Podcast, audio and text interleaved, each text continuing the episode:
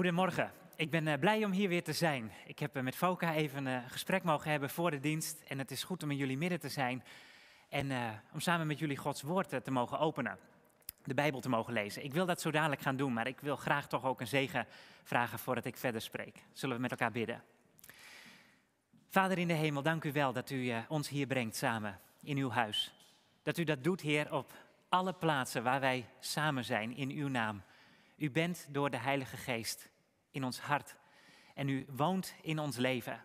En u bent betrokken op ons. U ziet ons. En u bent voor ons het einde, maar ook het begin. Heren, u hebt de schepping in uw hand. En u wilt ons vandaag uw stem laten verstaan. Dank u wel voor de Bijbel, uw woord.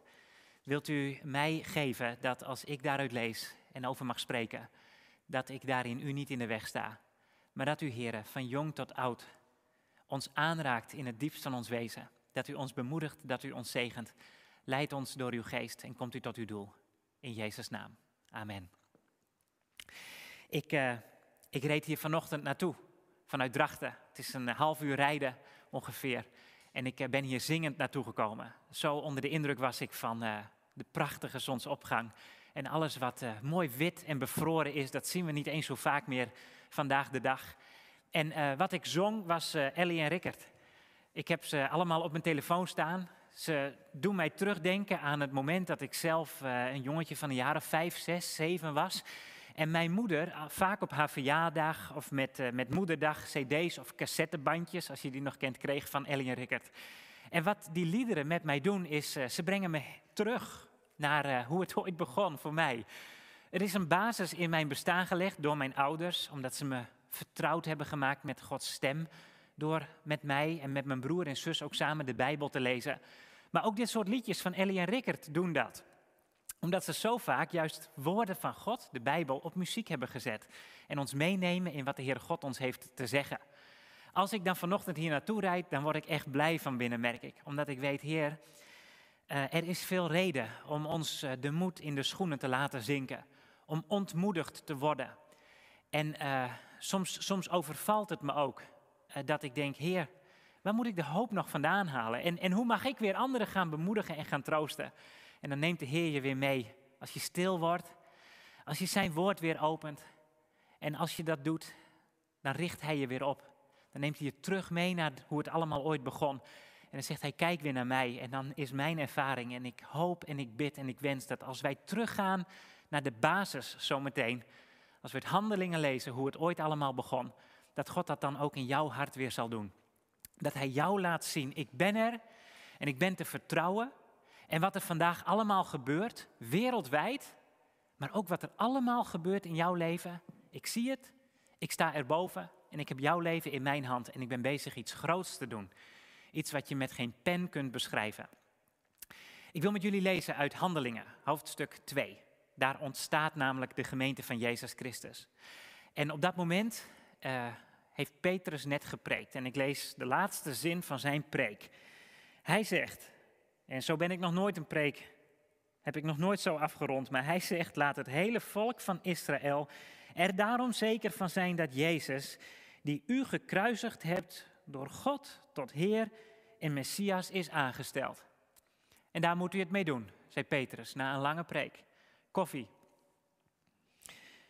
Maar dat gebeurt niet. Petrus gaat ze vertellen over een troost die komt. Niet het bakkie troost dat wij gewend waren om na de dienst te drinken met elkaar, wat we ook zo missen. Maar de trooster die kwam en die iets geweldigs bewerkt. Toen ze dit hoorden, waren ze diep getroffen. En ze vroegen aan Petrus en de andere apostelen: Wat moeten wij doen, broeders? Petrus antwoordde: Keer u af van uw huidige leven en laat u dopen onder aanroeping van Jezus Christus, om vergeving te krijgen voor uw zonden. Dan zal de Heilige Geest u geschonken worden. Want voor u geldt deze belofte, evenals voor uw kinderen en voor allen die ver weg zijn en die de Heere, onze God, tot zich zal roepen. Ook op nog andere wijze legde hij getuigenis af, waarbij hij een dringend beroep op zijn toehoorders deed met de woorden: Laat u redden uit dit verdorven mensengeslacht. Degenen die zijn woorden aanvaarden, lieten zich dopen. Op die dag breidde het aantal leerlingen zich uit met ongeveer 3000. Ze bleven trouw aan het onderricht van de apostelen. Ze vormden met elkaar een gemeenschap. Ze braken het brood en ze wijden zich aan het gebed. De vele tekenen en wonderen die de apostelen verrichten, vervulden iedereen met ontzag. Allen die het geloof hadden aanvaard, bleven bijeen en hadden alles gemeenschappelijk. Ze verkochten al hun bezittingen en verdeelden de opbrengst onder degenen die iets nodig hadden. Elke dag kwamen ze trouw en eensgezind samen in de tempel. Ze braken het brood bij elkaar thuis. Ze gebruikten hun maaltijden in een geest van eenvoud en vol vreugde. Ze loofden God en stonden in de gunst bij het hele volk. De Heer breidde hun aantal dagelijks uit met mensen die gered wilden worden. Zo indrukwekkend. De gemeente van Jezus Christus die krijgt echt een kickstart hier. 3000 mensen samen op de knieën voor de Heer Jezus Christus, omdat ze ontdekken, ik was reddeloos verloren. Voor eeuwig afgezonderd geworden van God en van iedereen. De eeuwigheid alleen. Lockdown, maar dan niet voor tien maanden, of voor wie weet hoe lang het nog duurt, maar voor eeuwig. En ze ontdekken met elkaar, er is redding. Er is nieuw uitzicht. We mogen hoop putten, want Jezus Christus, die gekruisigd is, heeft Petrus verteld, die is opgestaan uit de dood en heeft ons nieuw leven gegeven. En het bijzondere is, Petrus zei het al, voor jullie geldt deze belofte, zei hij 2000 jaar geleden tegen het volk van Israël. Het volk dat God al meende te kennen, maar hem nu echt leert kennen. Het is voor jullie en voor allen die ver weg zijn. Nou, en Steenwijk lag toen nog ver weg. Dat was geen steenworp van Jeruzalem, dat was duizenden kilometers. En intussen is het evangelie van Jezus Christus bijna de hele wereld over. En leven wij in bijzondere dagen waarin wij tot uitvoering gebracht zien worden wat God allemaal al lang voorzegd heeft. We gaan terug naar Petrus. Petrus heeft het volk van Israël meegenomen door het Oude Testament, het Eerste Testament kun je ook zeggen, heen. En hij heeft laten zien dat tot in detail is gebeurd wat God al lang had gezegd. Namelijk dat God zijn zoon, de Heer Jezus Christus, naar deze wereld zou sturen. Dat hij gedood zou gaan worden. Dat hij zou opstaan uit de dood. En dat het allemaal plaats heeft gehad in die tijd waarin Petrus deze preek mag houden. Petrus en zijn vrienden hebben tien dagen in lockdown gezeten. Ze zijn met elkaar in gebed geweest. Het is een goed voornemen om in een lockdown, of het nou tien dagen of tien maanden is, hoe lang het ook duurt, te zeggen: Heer, zolang ik niet met mijn broers en zussen kan samenkomen, zal ik in de beperkte setting die u mij geeft, uw woord bestuderen en zal ik u aanbidden. Zal ik u zoeken en vragen, Heer God, geef die dag dat de deur weer open gaat en dat als die deur open gaat, ik zo vervuld ben van u, dat de mensen zullen zien dat ik straal als Mozes die van de berg afkwam. God wil jou gebruiken om dat evangelie verder de wereld in te brengen. Want ik weet niet hoe het met Steenwijk zit. Maar in Drachten is het niet zo dat al 100% van de mensen daar de Heer Jezus Christus hebben leren kennen. En ik geloof dat Steenwijk en omstreken, waar wij broers en zussen ook met elkaar mogen zijn, erop zitten wachten dat onze deuren open blijven. En weet je, die deur kan vandaag al open. Tenminste, misschien morgen, als je naar de supermarkt gaat. Als je laat zien wie de Heer Jezus Christus is, zelfs achter een mondkapje, en je straalt omdat je hebt ontdekt, die redding die de mensen hier kregen, die is ook mij gegeven. Maar dan mogen we ons wel steeds blijven voornemen om ook omhoog te blijven kijken. Ik was een week geleden in gesprek met, uh, met, met Leonie, mijn vrouw. En ik zei, uh, ik, ik, word er gewoon zelf down van, merk ik. Dat het, dat het klap op klap op klap op klap lijkt te zijn. Waar moeten we de hoop nog vandaan halen? Hoe zullen wij vooruitkijken? Wat mogen we nog verwachten? En Leonie, mijn vrouw, die noemt mij altijd pathologisch optimistisch. Ik ben bijna altijd blij en ik zie altijd kansen en mogelijkheden. En met elkaar weten we ook, het ligt hierin. Dat God bezig is om zijn plan tot uitvoer te brengen. Dat God ook heeft voorzegd dat er dagen zullen komen waarin epidemieën en pandemieën om zich heen zullen slaan en dat we de komst van de Heer Jezus Christus mogen verwachten. Dat op Israël veel zal afkomen, maar het zal een herstelde staat zijn die in afwachting is van de uitstorting van de Heilige Geest. God gaat Israël opnieuw gebruiken en hij is druk bezig zijn plan te volvoeren. En dat het aan jou en mij is gegeven om elke dag op onze knieën te gaan en te zeggen, Heer Jezus Christus, u hebt uw leven voor mij gegeven. Terug naar die basis. Terug bij die allereerste liefde blijven. Een goede vriend van me belde me gisteravond. Zijn vader van 92 was overleden. En hij vertelde me over zijn vader dat hij zijn leven lang, zijn huwelijk lang, altijd, omdat zijn moeder twee jaar geleden al stierf en we het over hun relatie hadden, een huwelijk lang, een leven lang heeft gezegd: Ik blijf verliefd op dat meisje met wie ik ooit verkering kreeg. ik vond het zo ontroerend. En de Heer Jezus zegt het ook tegen jou en mij. Hij schrijft het bijvoorbeeld ook aan Efeze in openbaring. Blijf bij die allereerste liefde. Zorg dat je het meisje waarop je ooit verliefd werd, dat je blijft denken aan die allereerste dagen, omdat het je zal blijven vervullen van die liefde. Nou, dat is eigenlijk wat de Heer Jezus ons ook zegt. Over onze relatie met Hem. Blijf bij die allereerste liefde. Blijf het van mij verwachten. Kom elke dag opnieuw en kijk naar mij en word weer verliefd op de Heer Jezus Christus. Petrus heeft het volk van Israël meegenomen in zijn preek. Heeft de Heilige Geest gekregen. En de mensen, ze schreeuwen het eigenlijk uit. Wat moeten wij doen? En wat zegt Petrus? Petrus zegt, keer je af van je huidige leven en laat je dopen onder aanroeping van Jezus Christus om vergeving te krijgen voor je zonde. Keer je af van je huidige leven. Er is een moment in je leven, zo is het mij vergaan, ik was een jaar of twaalf, dat mij voor de eerste keer gevraagd werd in Drachten, bij wat toen nog een tiener mega power special heette. Wat hebben we namen bedacht? Mag de Heer Jezus ook op de troon van jouw leven zitten? En vaak pak ik dat moment toen ik twaalf was als een moment waarop ik wist het is een moment van bekering.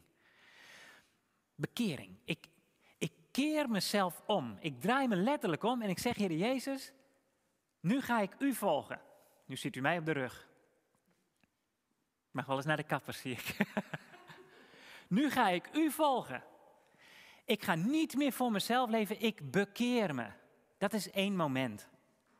Ik word ontzettend bemoedigd door broers en zussen die in de afgelopen tien maanden zeggen: dat moment is wel geweest. Ja, die eerste bekering. Maar juist in deze tijd wakkert de Heere God in deze tien dagen dat wij wachten op Hem een verlangen om, om Zijn woord te bestuderen. Om geleid te worden door de Heilige Geest. Om het nog meer van Hem te verwachten. En ik word ook zo bemoedigd omdat de Heer in mijn hart bezig is. Aan het licht te brengen wat nog niet van Jezus was. Waar trots of zorgen of zonden mij nog in de weg zaten om de Heer te dienen. En ik hoor het terugkomen in de getuigenissen van gemeenteleden. Dat de Heere God jou vandaag geeft. Ja, je hebt je ooit bekeerd. Je hebt je hart aan mij gegeven. Maar nu roep ik je terug en ik zeg je, ik ben de Alpha en de Omega. En je mag alles wat in je hart is dat nog niet van mij was, ook aan mij gaan geven. Jouw leven mag steeds meer op mijn leven gaan lijken, zegt de Heer Jezus. Hij wil ons bemoedigen. Hij wil ons ook troosten. Daarom geeft Hij de Heilige Geest. Onder aanroeping van de naam van Jezus Christus wil de Heer Jezus ook geven dat in jouw hart steeds meer duidelijk wordt. Ja, maar dit is nog niet van jou. Dit is nog niet van mij. Geef ook die zonde prijs. Je kunt ermee stoppen, hoef je niet in eigen naam te doen. Kom niet met je beste probeersels om te zeggen, ik zal ermee stoppen, maar geef het aan mij. En de Heer Jezus kan vandaag een wonder werken. Of het nou verslavingen zijn aan eten of aan drinken of aan seks of aan drop of, of aan het zoeken van jezelf en altijd die bevestiging willen hebben, word ik wel gezien dat de Heer Jezus zegt, kijk nu naar mij en word weer verliefd op mij en ik kan je vrijmaken van jezelf. Dat is wat God doet in tien maanden tijd, in een lockdown. Dat is terug naar het allereerste begin en zeggen, Heer Jezus, u bent de Alpha en de Omega. En ik hou van u, u hebt uw leven gegeven. En ik roep u aan, wat moet ik doen? En Jezus zegt, kom bij me. En roep mijn naam aan. En de Heilige Geest zal in je hart werken. En je zonden zullen van je genomen worden. Het zal geen last meer zijn. Laat dat wonder van genade in je hart uitwerken. En als dat gebeurt, dan bouwt Jezus ook zijn kerk. Wat mogen we verder doen? Dat de gemeente ontstaat. Weet je, daar gaat God werken, ook door de gemeente heen. Daarom geloof ik ook niet dat wij echt opgesloten zijn. Wij zijn als gemeente aan elkaar gegeven. En Foka en ik, we hadden het er even over. Wat zijn we beperkt? Maar wat geeft God ons ook een, een mogelijkheden? Wat ben ik persoonlijk dankbaar dat wij niet 50 jaar geleden in de tijd zitten nu. Maar dat alleen al via een een camera vandaag ik met u mag spreken. Omdat God ons middelen geeft. Ja, het is niet het echte. We willen elkaar vasthouden. En we willen naast de trooster die God ons gaf ook echt het bakje troost weer met elkaar drinken. Bij elkaar zijn, met elkaar optrekken. Ja, het is het allemaal net niet. Maar wat toch een mogelijkheden. Die 50 jaar geleden echt niet aan de orde geweest waren. God geeft ons kansen om samen te zijn. De eerste gemeente kwam voortdurend samen. Voortdurend. Zij bleven bij het onderricht van de apostelen. Betekent het onderwijs dat de Heer Jezus had gegeven. Hij had ze immers gezegd, ga erop uit. Maak de hele wereld mijn discipel. Leer ze onderhouden alles wat ik jullie gezegd heb. En zie, ik ben met jullie alle dagen tot aan de voltooiing van de wereld. Jezus gaat nooit anderhalve meter van ons vandaan zijn. Hij woont diep in ons binnenste. En omdat Hij in ons binnenste is, de Heilige Geest, weet ik mij nu verbonden met jou als broer, als zus, omdat de Heilige Geest in jouw hart is. Hij bindt zijn kerk en hij voegt ons bij elkaar. En hij doet het op een manier waar geen koffie tegenop kan. Dat is de Heilige Geest in ons hart en daarom zijn wij nu samen, voortdurend. En daarom wil ik je ook bemoedigen, zoals de eerste gemeente dat deed, kom voortdurend samen.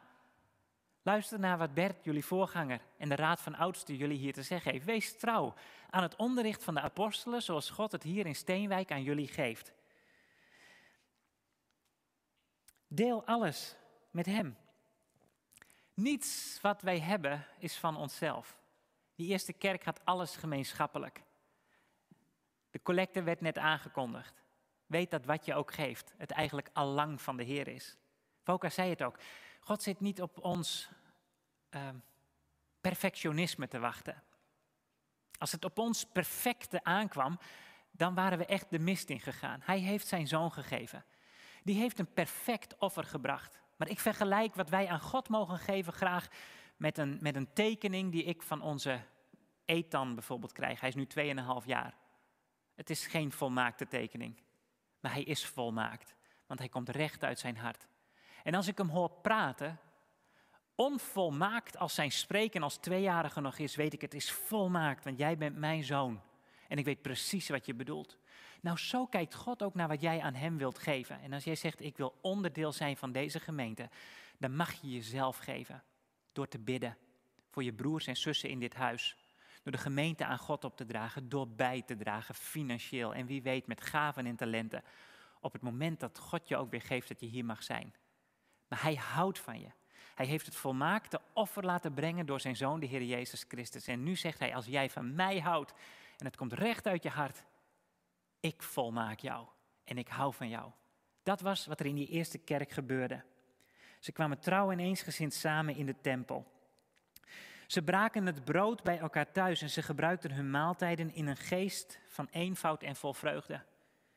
Weet je, in die tempel kwamen grote groepen mensen samen. Dat was één groot spreken door elkaar. En naar wie je kon gaan, ging je om onderwezen te worden. Nou, zo lijkt het vandaag wel een beetje via internet te gebeuren, dat je wel op twintig plaatsen onderwijs kunt horen. Maar broers en zussen, Baptistengemeente Steenwijk, kom trouw samen en luister naar Gods woord. En de gemeente kwam ook vol eenvoud samen. Hoe beperkt het nu ook is. Ik kan me zo voorstellen. Dat je zegt, misschien die ene waarvan de overheid nu zegt die mag komen. Laat de persoon dan komen. En eet met elkaar. En wees gemeente met elkaar. In de eerste kerk ging het er zo aan toe dat in de huiskamers clubjes mensen samenkwamen die niet samen als ze gemeente waren met 3000 man in één woonkamer pasten. Dus ze kwamen aan huis samen en daar werd dan gegeten en tijdens de maaltijd gebeuren de mooiste dingen, heb je vaak de mooiste gesprekken en dan werd er ook gezegd op enig moment, jongens we eten wel, maar brood alleen is niet genoeg. Laten we denken aan wat de Heer Jezus voor ons heeft gedaan. Zo mag je minimaal bij elke maaltijd jezelf realiseren, Heer Jezus, u hebt uw leven voor mij gegeven. U bent het levende brood dat van de hemel is neergedaald. Zo zag die eerste kerk eruit. De mensen waren blij. De mensen zongen nog geen Ellie en Rickert, maar ze zongen wel met elkaar Gods woord. En ze aanbaden de Heer. En ze maakten Hem groot. En dat mag ons niet geroofd worden. En dat hoeft ons ook niet geroofd te worden. Omdat wij samenkomen langs deze weg. Omdat wij samenkomen op nieuwe manieren. Omdat wij samen blijven praten over het offer dat Heer Jezus Christus heeft gebracht, waardoor wij eeuwig leven. En straks Hem zullen zien zoals Hij is, schouder aan schouder, met elkaar. We zullen Hem kennen zoals wij zelf gekend zijn en we zullen elkaar kennen. Met elkaar in alle eeuwigheid. Dat is geen lockdown. Dat is de toekomst. Wat je hier en nu jezelf mag voornemen, never ever give up. We hoeven nooit bij de pakken neer te zitten. We hebben alle reden om optimistisch te zijn, om blij te zijn. Als die gemeente net is ontstaan, dan duurt het niet lang. Ananias en Safira komen en ze willen de Heilige Geest bedriegen. En er gebeurt veel in de gemeente. Het heeft een impact plaats omdat ze het niet overleven. Daarna wordt de kerk van Jezus Christus vervolgd. De apostelen worden opgepakt, naar het Sanhedrin gebracht, waar de hoge priesters zitten die dachten dat ze de naam van Jezus voor eeuwig hadden uitgewist. Maar hier zijn deze mannen en die blijven maar praten over de naam van de Heer Jezus. En ze worden gegezeld, ze worden vervolgd omdat ze in de Heer Jezus Christus geloven. Ze zeggen, Heer Jezus, we prijzen ons gelukkig dat we deze vernedering mogen meemaken. En weer twee hoofdstukken verder in Handelingen, hoofdstuk 7. Daar wordt de gemeente uit elkaar geslagen Ieder naar zijn eigen woonkamer. Ze kunnen niet meer samenkomen, want er vindt vervolging plaats van de kerk van Jezus Christus. Maar het is het middel in de handen van de Heer waardoor het evangelie de wereld ingaat. Zo worden wij door de Heere God aangesteld en aangemoedigd op de plaats waar jij bent. Of het via een scherm is, of dat het in de supermarkt is, of op die spaarzame momenten dat je je misschien op straat of op kantoor of in de klas mag begeven. Dat de Heer Jezus jou geeft, laat maar zien hoe blij je met mij bent hoeveel reden jij hebt om te zingen, om mij te aanbidden, om te stralen. En als dat gebeurt, ik geloof dat dan ook gebeurt wat de Heere God hier zegt en daar rond ik mee af. Ze stonden, ze loofden God en ze stonden in de gunst bij het hele volk. En de Heer breidde hun aantal dagelijks uit met mensen die gered wilden worden. Hier zijn mensen die komen uit pure blijdschap en pure dankbaarheid samen. De vorm is de vorm zoals die 2000 jaar geleden kon. Wij hebben nieuwe vormen om samen te komen. Maar ze kwamen samen en ze loofden de Heere God. Dat was hun voornemen. Heere God, wij gaan nog alleen maar U loven. We gaan U aanbidden, we gaan U prijzen. En wat gebeurt er dan? Dan zie je dat elk programma dat wij bedenken om te zeggen hoe kunnen we mensen de kerk inhalen, door God lang niet altijd op die manier uitgerold wordt omdat het niet de programma's zijn, ja zeker, daar mogen we heel creatief in zijn. En wat heeft God onze middelen gegeven? Maar de eerste die ingang krijgt bij die ander, die de Heer Jezus nu nog niet kent, die echt in een lockdown zit, die depressief wordt en niet weet waar hij of zij het moet zoeken, die wordt met jou geconfronteerd. En die gaat zien in jouw leven, hier is iemand die zich niet laat kisten, die niet bij de pakken neerzit, die een blijdschap en een vrede heeft. Oh zeker, we hebben tegenslagen, ook daarvan mogen we gerust getuigen. Maar ze krijgen ons er niet onder. Want wij getuigen van de Heer Jezus, die voor ons door de hel gegaan is. Die zijn leven heeft gegeven. Van wie wij moesten zeggen, Heere God, wat moeten we doen? Want u stierf in mijn plaats en als het aan mij had gelegen, was u gekruisigd geworden. En we hebben de Messias van, Jezus, van, van onze Vader in de hemel zien hangen tussen hemel en aarde. Dat we ontdekken, hij heeft zijn leven ook voor mij gegeven en daarom ben ik vrij. Als jij daaruit leeft, reken maar dat de Heere God indruk maakt door jou heen op die ander die die vrede nog niet kent. En dan gebeurt wat hier staat. God voegde dagelijks toe aan de kring van mensen die behouden wilden worden. Zullen we zolang we in lockdown zitten zeggen, Heere God, wilt u dan wat wij niet kunnen zien, maar uitwerken in de harten van al die mensen die u nu nog niet kennen? Zodat als u ons nog de gelegenheid geeft om de deur weer open te doen en mensen welkom te heten in uw huis, we versteld zullen staan van al die mensen die in deze maanden hebben ontdekt, er is een Heer.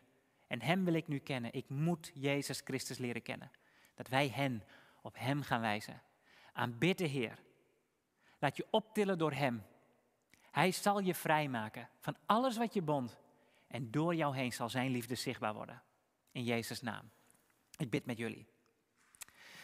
Heer Jezus, wij danken u dat u trouw bent. Heer, er is geen schaduw van omkeer bij u. U bent iets begonnen en u maakt het af. Ik dank u dat u Petrus vertelde dat u uw kerk zou bouwen op zijn getuigenis dat u de Messias, de Zoon van God, uw leven zou geven. En dat u dat hebt gedaan. U bent dood geweest, maar u leeft. Heren, Zover is het voor ons nog niet gekomen. Wij danken u dat wij vandaag uw naam mogen aanbidden. En ik bid u, Heer Jezus, voor mijn broers en zussen in Steenwijk en omstreken. waar wij uw woord gehoord hebben, dat u ons optilt uit onze depressie, dat u ons verlost van al onze zonden, dat wij ons vandaag zullen bekeren tot u. Heere God, dat wij weer naar u zullen kijken, omhoog. En dat u ons zult vervullen van uw Heilige Geest op zo'n manier, Heer, dat de wereld zal zien dat Jezus Christus leeft. Dat we zullen stralen, dat we u zullen aandoen. Dat we onszelf zullen verliezen in u, omdat we verliefd zijn op u. Heer, we houden van u, we prijzen uw naam. En we verwachten het van u. Bouw uw kerk. En Heer, voegt u toe aan de kring van mensen die behouden wil worden. Red u nog velen van de dood door het eeuwig leven te schenken. In Jezus' naam. Amen.